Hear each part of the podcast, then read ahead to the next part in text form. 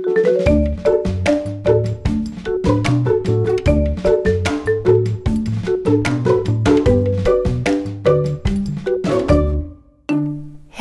kära Blödigt värre-lyssnare! Äntligen ett nytt avsnitt av podden med mig, Johanna Paues. Idag gäller att spetsa öronen för det är komplicerade saker vi ska prata om och det med verkliga proffs. Delvis på engelska dessutom. Det ska handla om von Willebrand och om aktuell forskning som förhoppningsvis ska underlätta diagnostisering och behandling. En av de som ska göra den här forskningen är 2019 års Arosenius-stipendiat. Ni vet stipendiet som delas ut av Aroseniusfonden och som vi haft uppe ett par gånger tidigare här i podden. Det är delen med henne, Iva Pruner, som kommer att vara på engelska. Och om du tycker att det är krångligt att förstå så kommer jag med hjälp av dagens andra gäst, Erik Berntorp, att sammanfatta det hon sagt efteråt. Men först så ska Erik få ge oss kött på benen om den här typen av blödarsjuka från Willebrand och de olika varianterna som finns. Hej Erik! Välkommen till eh, podden! Tack så mycket! Trevligt att komma till podden. Ja, tack för att du tagit dig hit hela vägen från Skånes universitetssjukhus. Det gick väldigt bra. Eh, du jobbar på koagulationsmottagningen i Malmö och är också en resursperson där. Vad betyder det? Alltså jag är formellt pensionär. Jag är emeritusprofessor eller seniorprofessor och deltar en del i eh, vetenskapliga aktiviteter vid koagulationsmottagningen. Jag har dock arbetat där sedan den 17 mars 1985 fram till för några få år sedan. Så jag har levt en stor del av mitt professionella liv med von Willebrands sjukdom, blödarsjuka och andra tromboemboliska och blödningskomplikationer, alltså blodproppar och blödningar. Det låter som att du är en värdefull resurs att jag ha där helt enkelt. Jag är oerhört värdefull. Ja, det är bra. Vi ska ju fördjupa oss i von Willebrands sjukdom idag. Det är en ärftlig sjukdom som man säger att en av tusen bär på globalt. Men det finns ju forskare som tror att det egentligen kan handla om så många som en av hundra. Vad säger du om det? Ja, alltså det är lätt att blanda ihop de här siffrorna.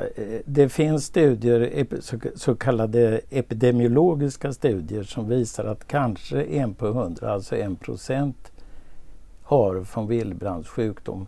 De studierna är ganska gamla och eh, sen är det så att det finns en stor gråzon när det gäller von Willebrands sjukdom beroende på att nivån av det här von Willebrand-faktor-proteinet som vi kanske kommer in på senare, den ligger eh, någonstans omkring eller strax under det officiella normalvärdet för von Willebrand-faktornivån i blodet.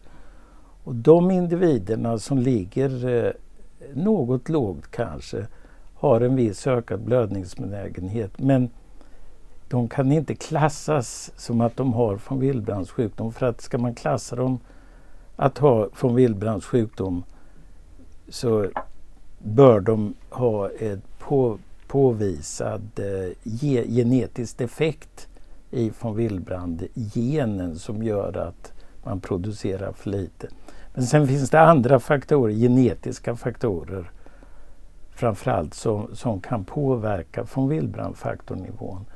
Så att eh, det, det, är inte lätt att ställa diagnosen från Willebrands sjukdom när det gäller de här så kallade borderline-fallen. Ja. Om vi ska prata om vad som skiljer från Willebrand mot hemofili då? Hur skulle du beskriva? Ja, alltså det är ju två helt olika åkommor. Hemofili eller blödarsjuka drabbar ju i princip bara pojkar. När det gäller von Willebrands sjukdom så drabbas båda könen lika. Även om kvinnor diagnostiseras i större utsträckning. Sen eh, är blödningssymptomen delvis olika. Von Willebrands sjukdom är mera slemhinneblödningar. Hemofili mera blödningar i leder. Men vid de svårare formerna av von Willebrands sjukdom kan man ha hemofililiknande blödningar också. Och hemofilipatienter kan ha blödningar som liknar von Willebrands sjukdom. Näsblod är ju typexempel. Just det. Mm. Och om man ser till vad, man, vad, vad sjukdomarna beror på så är det att de personer med svår von Willebrands sjukdom de har brist på faktor 8 också, precis som hemofilipatienter. Det är rätt. Ja. Men att orsaken till det är något annat. Ja. Alltså det är så, von Willebrands sjukdom beror på att eh, man har för lite von Willebrand-faktor i blodet. Eller så är det fel på von Willebrand-faktorn så den fungerar inte normalt. Och vad gör von Willebrand-faktorn? Von Willebrand-faktorn har eh, i huvudsak två funktioner. Den ena funktionen är att om man får en kärlskada så fastnar von Willebrand-faktorn i kärlskadan och drar, drar åt sig trombocyter. Och därmed så stoppar blödningen och koagulations, hela den här komplicerade koagulationsmekanismen i blodet aktiveras så att det fälls ut och bildas ett blodkoagel som blir mer och mer stabilt och täpper till den här skadan permanent. Sen finns det andra system som efterhand eh, löser upp det här koaglet och bygger om det så att man får en hel och återställd kärlvägg igen. Det är den ena funktionen. Den andra funktionen är att von Willebrand-faktorn binder faktor 8 och faktor 8 är det som saknas vid blödarsjuka vid hemofili A. Och von Willebrand-faktorn binder då faktor 8 och gör att faktor 8 inte bryts ner så lätt.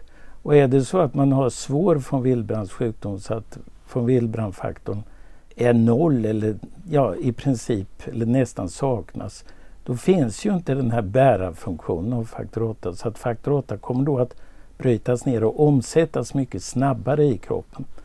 Så patienter med svår von Willebrandts sjukdom har då faktor 8-nivåer som motsvarar i alla fall moderat form av hemofili som ju kan ge betydande blödningsbekymmer i leder till exempel ledblödning. Mm. När brukar symptomen för von Willebrand eh, uppträda? Då? Hur tidigt i livet?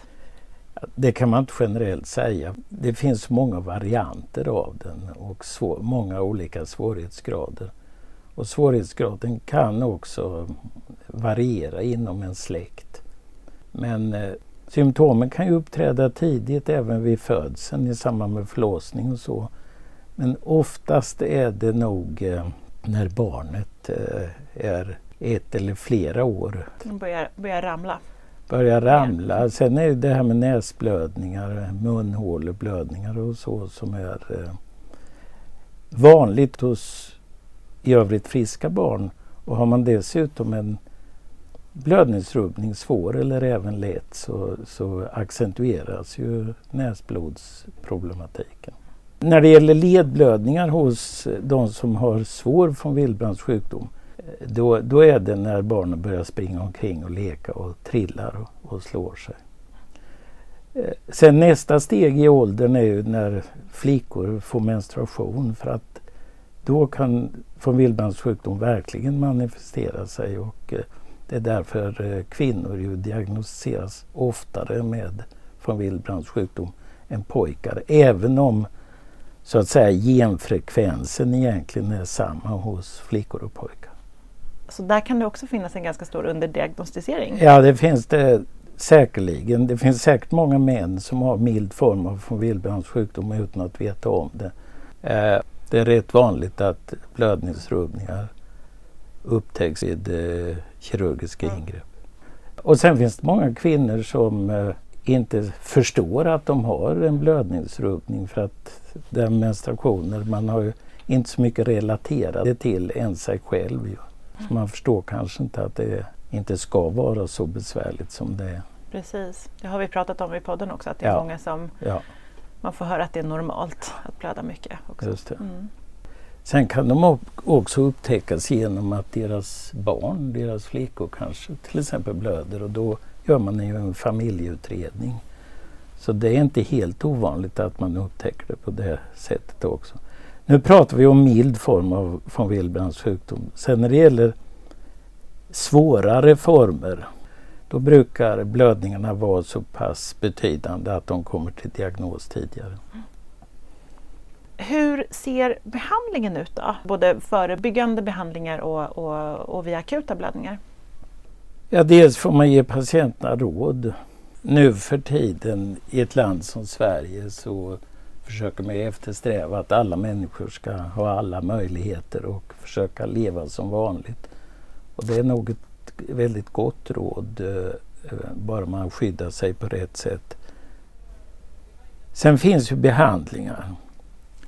Och behandlingen vid von Willbrands sjukdom bygger kan man säga på tre principiellt olika medikamenter om man nu behöver ge medicin. Och dels kan man ge vid mindre blödningar antifibrinolytikum som det kallas för.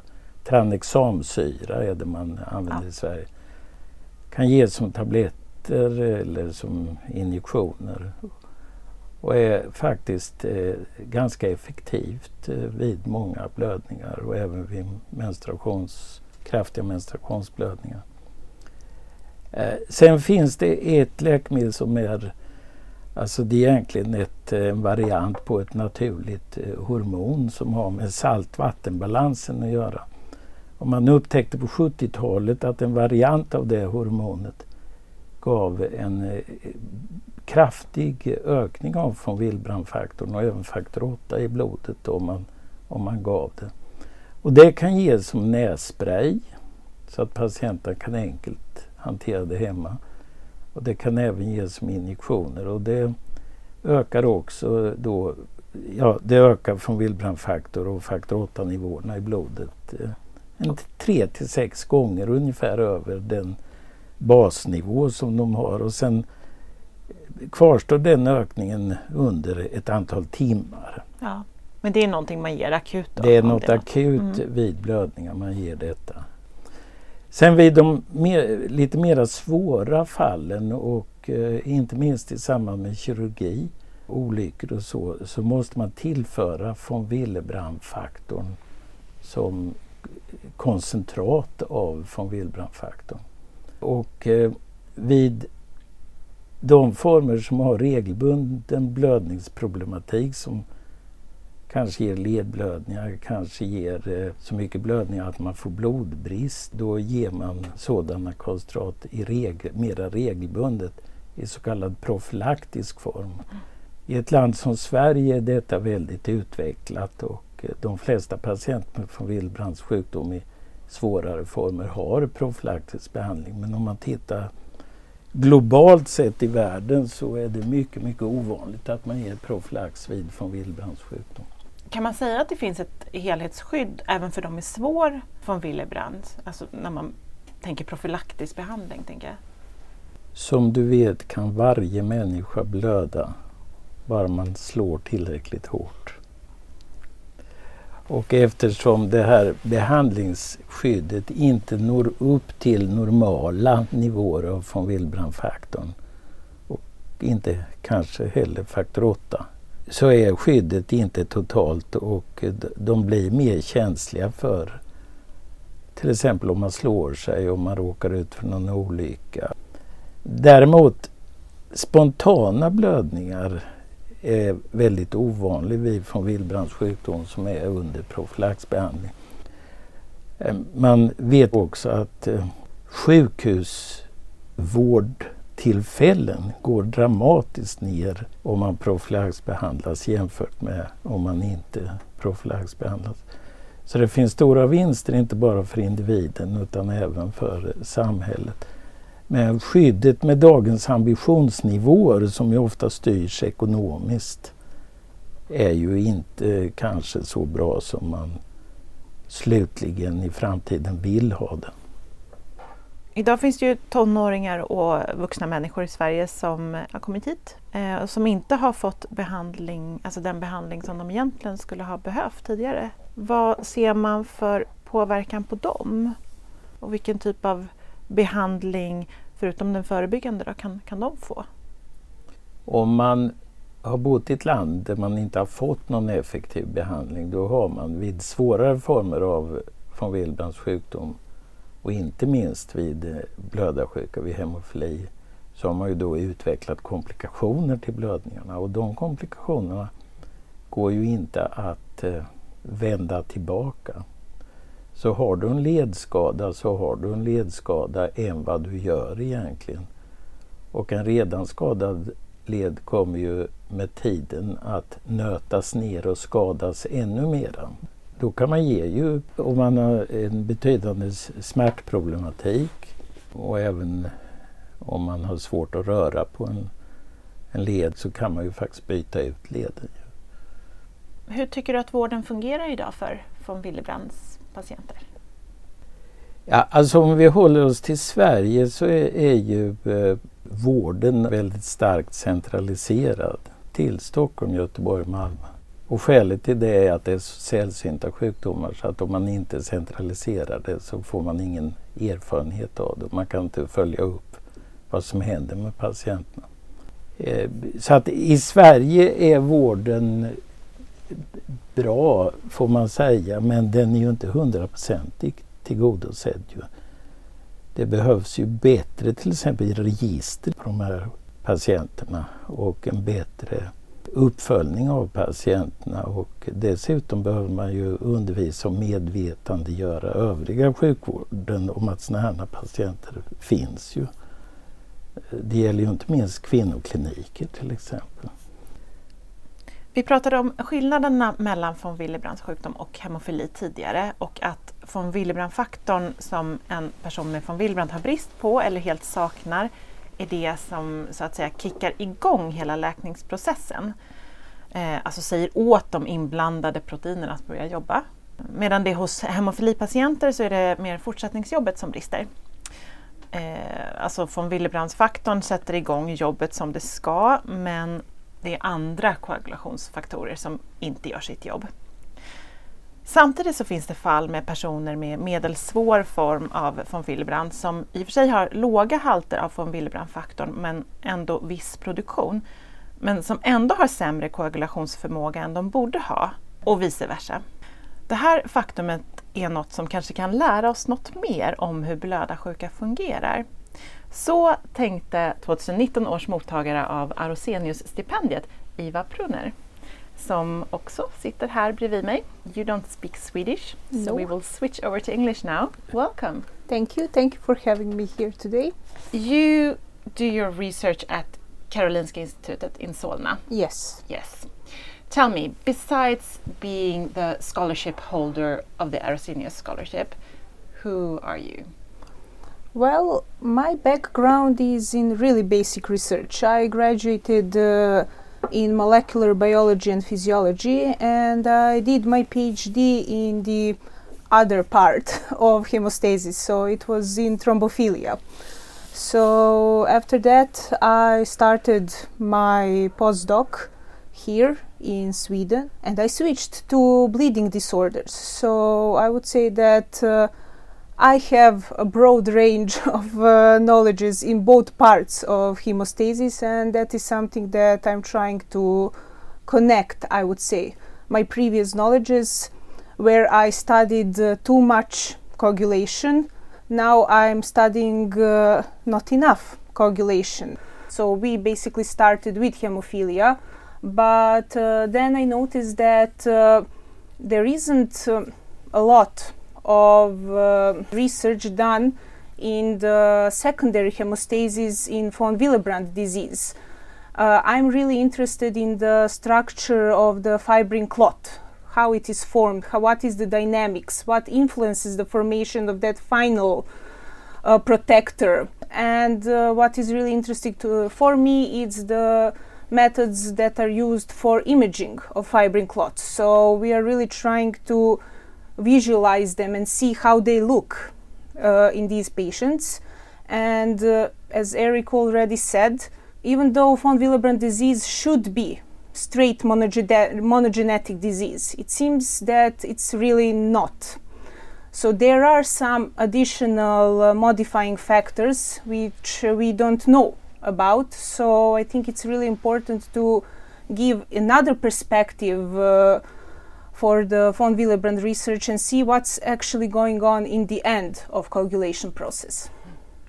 And is this what you're about to do now? Is that what you won the scholarship for? Yes, uh, my project is actually about some uh, additional uh, potential modifiers of the disease because uh, it's not only the coagulation factors that are involved in the process of coagulation.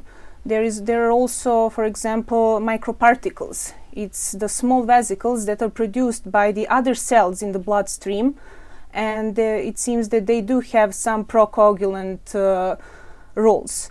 So one of the goals of my project is to see how do microparticles look in uh, patients with von Willebrand disease. So that is one aspect of my project, and the other, which I prefer, I would say, it's the uh, research done with fibrin clots. I am interested to, interested to see how the clots are formed in each individual patients and how the profiles of the fibrin clot formations formation are different in each individual individual patient receiving or not receiving therapy and uh, the third part that i am that is my personal favorite is the uh, proteomic analysis of uh, fibrin clots that means that uh, we want to see what's inside of those clots, which proteins besides of fibrin are in it.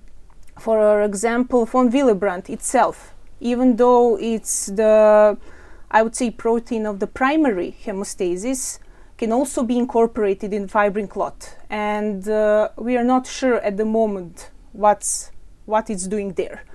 It sounds extremely complicated, as you already mentioned. yes. so many factors to to to consider. Yes. so many different. Yeah. And we're just looking, I would say, one drop uh, in the sea. yeah. There's so much more. How does that make you feel? It's really challenging. so I have a problem and I want to try to solve it.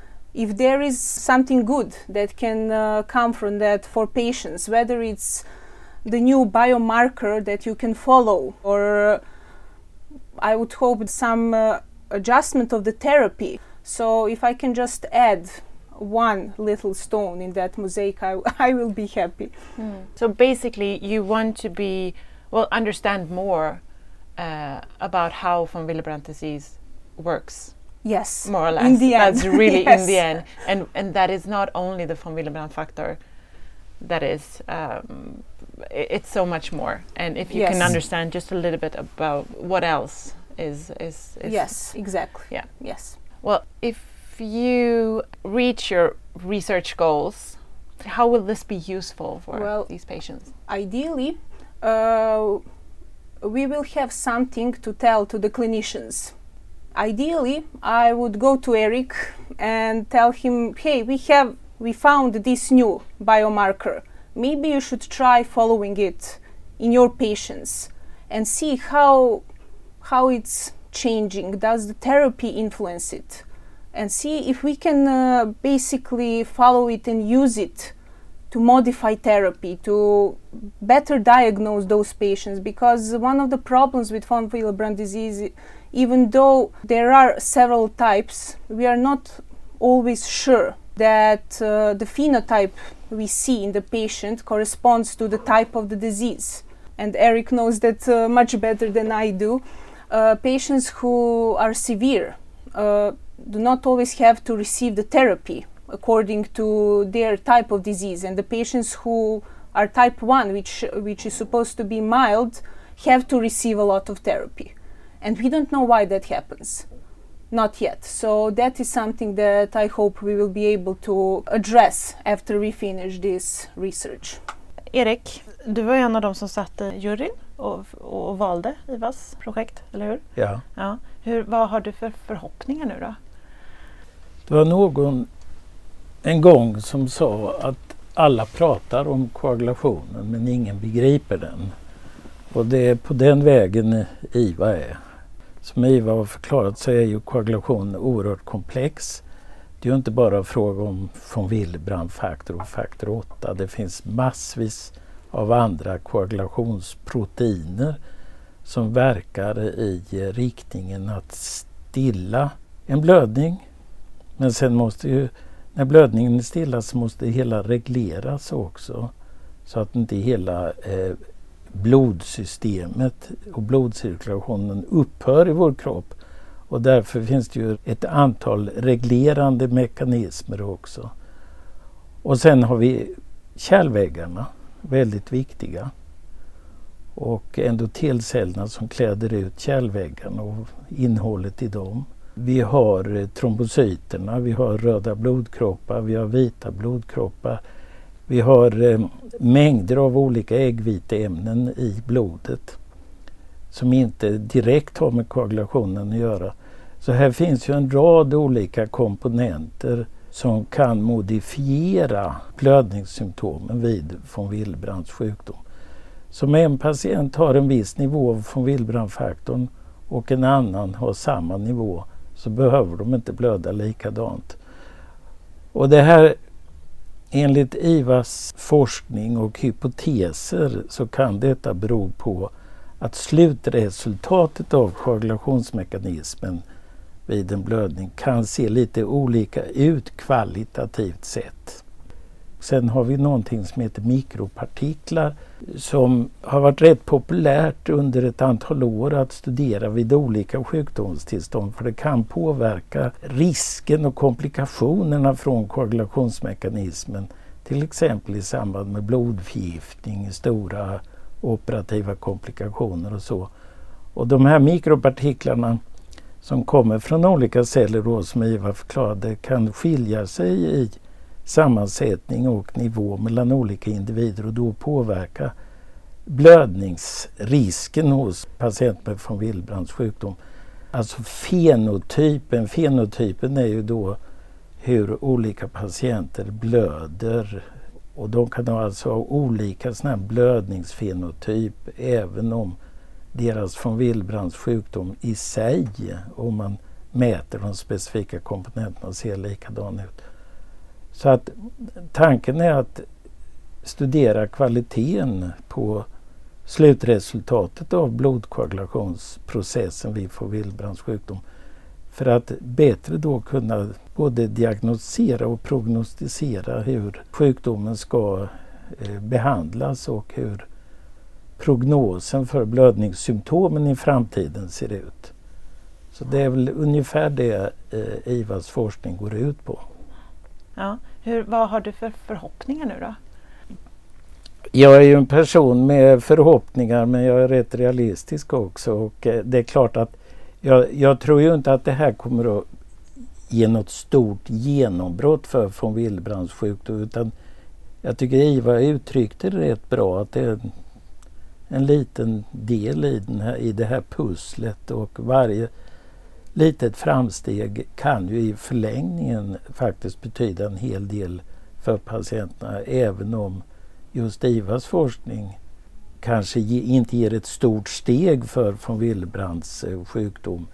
Men kanske i framtiden kan visa sig vara väldigt viktigt för den fortsatta, fortsatta utvecklingen. Om vi nu får bättre, lite, om en lite bättre förståelse genom, genom IVAs eh, forskning här, skulle det kunna leda till en mer individualiserad behandling? Hur skulle den kunna se ut? Ja, det här med individualiserad eller personaliserad behandling är ju väldigt viktig inom medicinen. Eh, och av flera olika skäl. Dels för att inte överbehandla vilket kan ge mera biverkningar. Och när det gäller von Willbrandts sjukdom så pratas det rätt mycket om blodproppskomplikationer och det är klart att om man har en på pappret tämligen mild von Willbrandts sjukdom och man ser utefter IVAs forskning att den här patienten löper en stor risk att blöda, då ska ju patienten behandlas och då får man ta vissa blodproppsrisker men de riskerna är nog inte så stora om IVAs forskning visar att patienten har teore även teoretiskt eh, en stor blödningsrisk. Sen å andra sidan kan det ju vara patienter med eh, mera moderat form av blödningsrisk som IVAs forskning kan visa att eh, patienten egentligen inte har någon nämnvärt stor blödningsrisk. Då är det ju fel att gå in med en kanske ganska kraftfull behandling. Då kan man ge en risk för att utlösa blodproppar istället och blodproppar kan ju vara mycket farliga. De kan ju vara livshotande i vissa fall. Eh, så att ehm, ett lyckat resultat av den här forskningen kan hjälpa till att individualisera behandlingen. Vad tror du annars om, om framtiden? Alltså om man ser det globalt så är ju framtiden kanske inte hopplös men det krävs ju enorma insatser för att lyfta upp diagnostik och vård för von Willebrands sjukdom. Och det görs ju väldigt stort eh, arbete av Världshemofiliföreningen till exempel.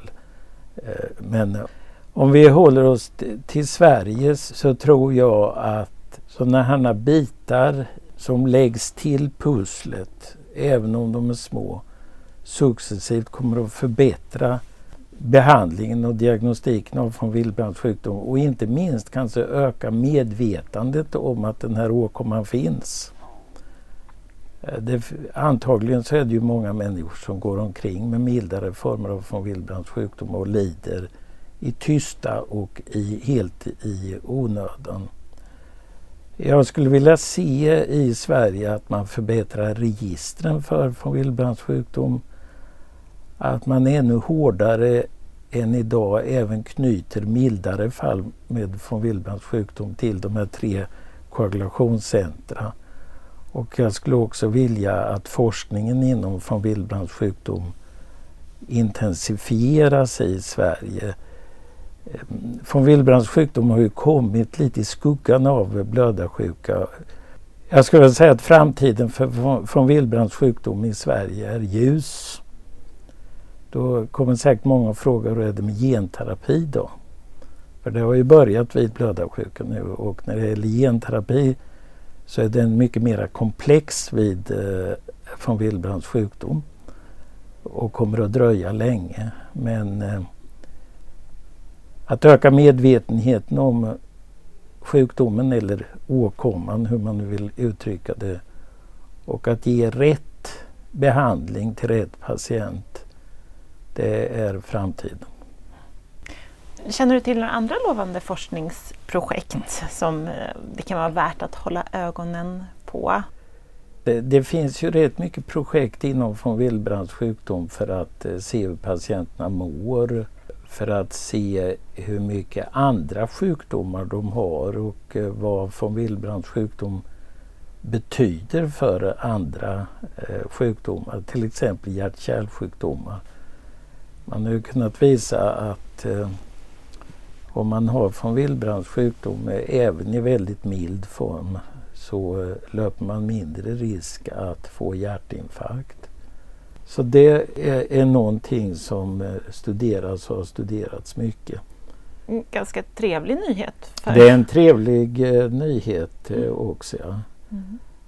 Uh, sen, sen finns det ju aspekter som kanske inte är så trevliga och det är ju att man har ju sett att eh, man har ju mera ledsjukdom vid de här milda blödningsrubbningarna.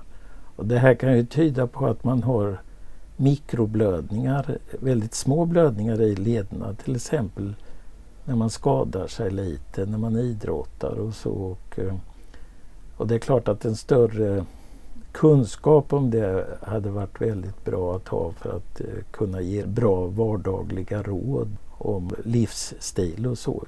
Mm. Övervikt till exempel är ju någonting som kan spela stor roll för detta och, eh, men det kan finnas andra aspekter också. Tack så mycket Erik Berntorp för att du kom hit och upplyste oss. Tack så mycket för att jag fick komma hit. Jag hoppas jag har bidragit med något. En liten pusselbit igen. Det har du med all säkerhet.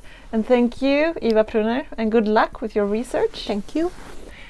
Och på tal om forskning och från Willebrand så vill jag passa på att nämna att CSL Bering som är med och stöttar Blödigt värre också har ett stipendium för von Willebrand-forskning som IVA fick för två år sedan. Det delas ut vartannat år och i år, eh, 2020, så är det dags igen. Deadline är första maj så det är hög tid att ansöka. Gå in på deras hemsida cslbering.se och läs mer om det. Och Bering stavas ju med H i mitten, alltså B-E-H-R-I-N-G. Vi här på podden söker andra saker, nämligen tips och uppslag från er lyssnare om blödarrelaterade ämnen som ni vill fördjupa er i. Det kan vara personer med blödarsjuka som borde få vara med och berätta sin historia, beslutsfattare kanske som borde ställas mot väggen eller vad det nu kan vara. Mejla oss med dina tips och idéer. Redaktionen.sverige.cslbering.com är adressen. Jag tar det igen. Redaktionen.sverige.cslbering.com och med det så är det väl bara att tacka för oss. Jag som heter Johanna Paues och producenten som heter Estrid Holm. Och tack också förstås till CSL Bering. Hej då!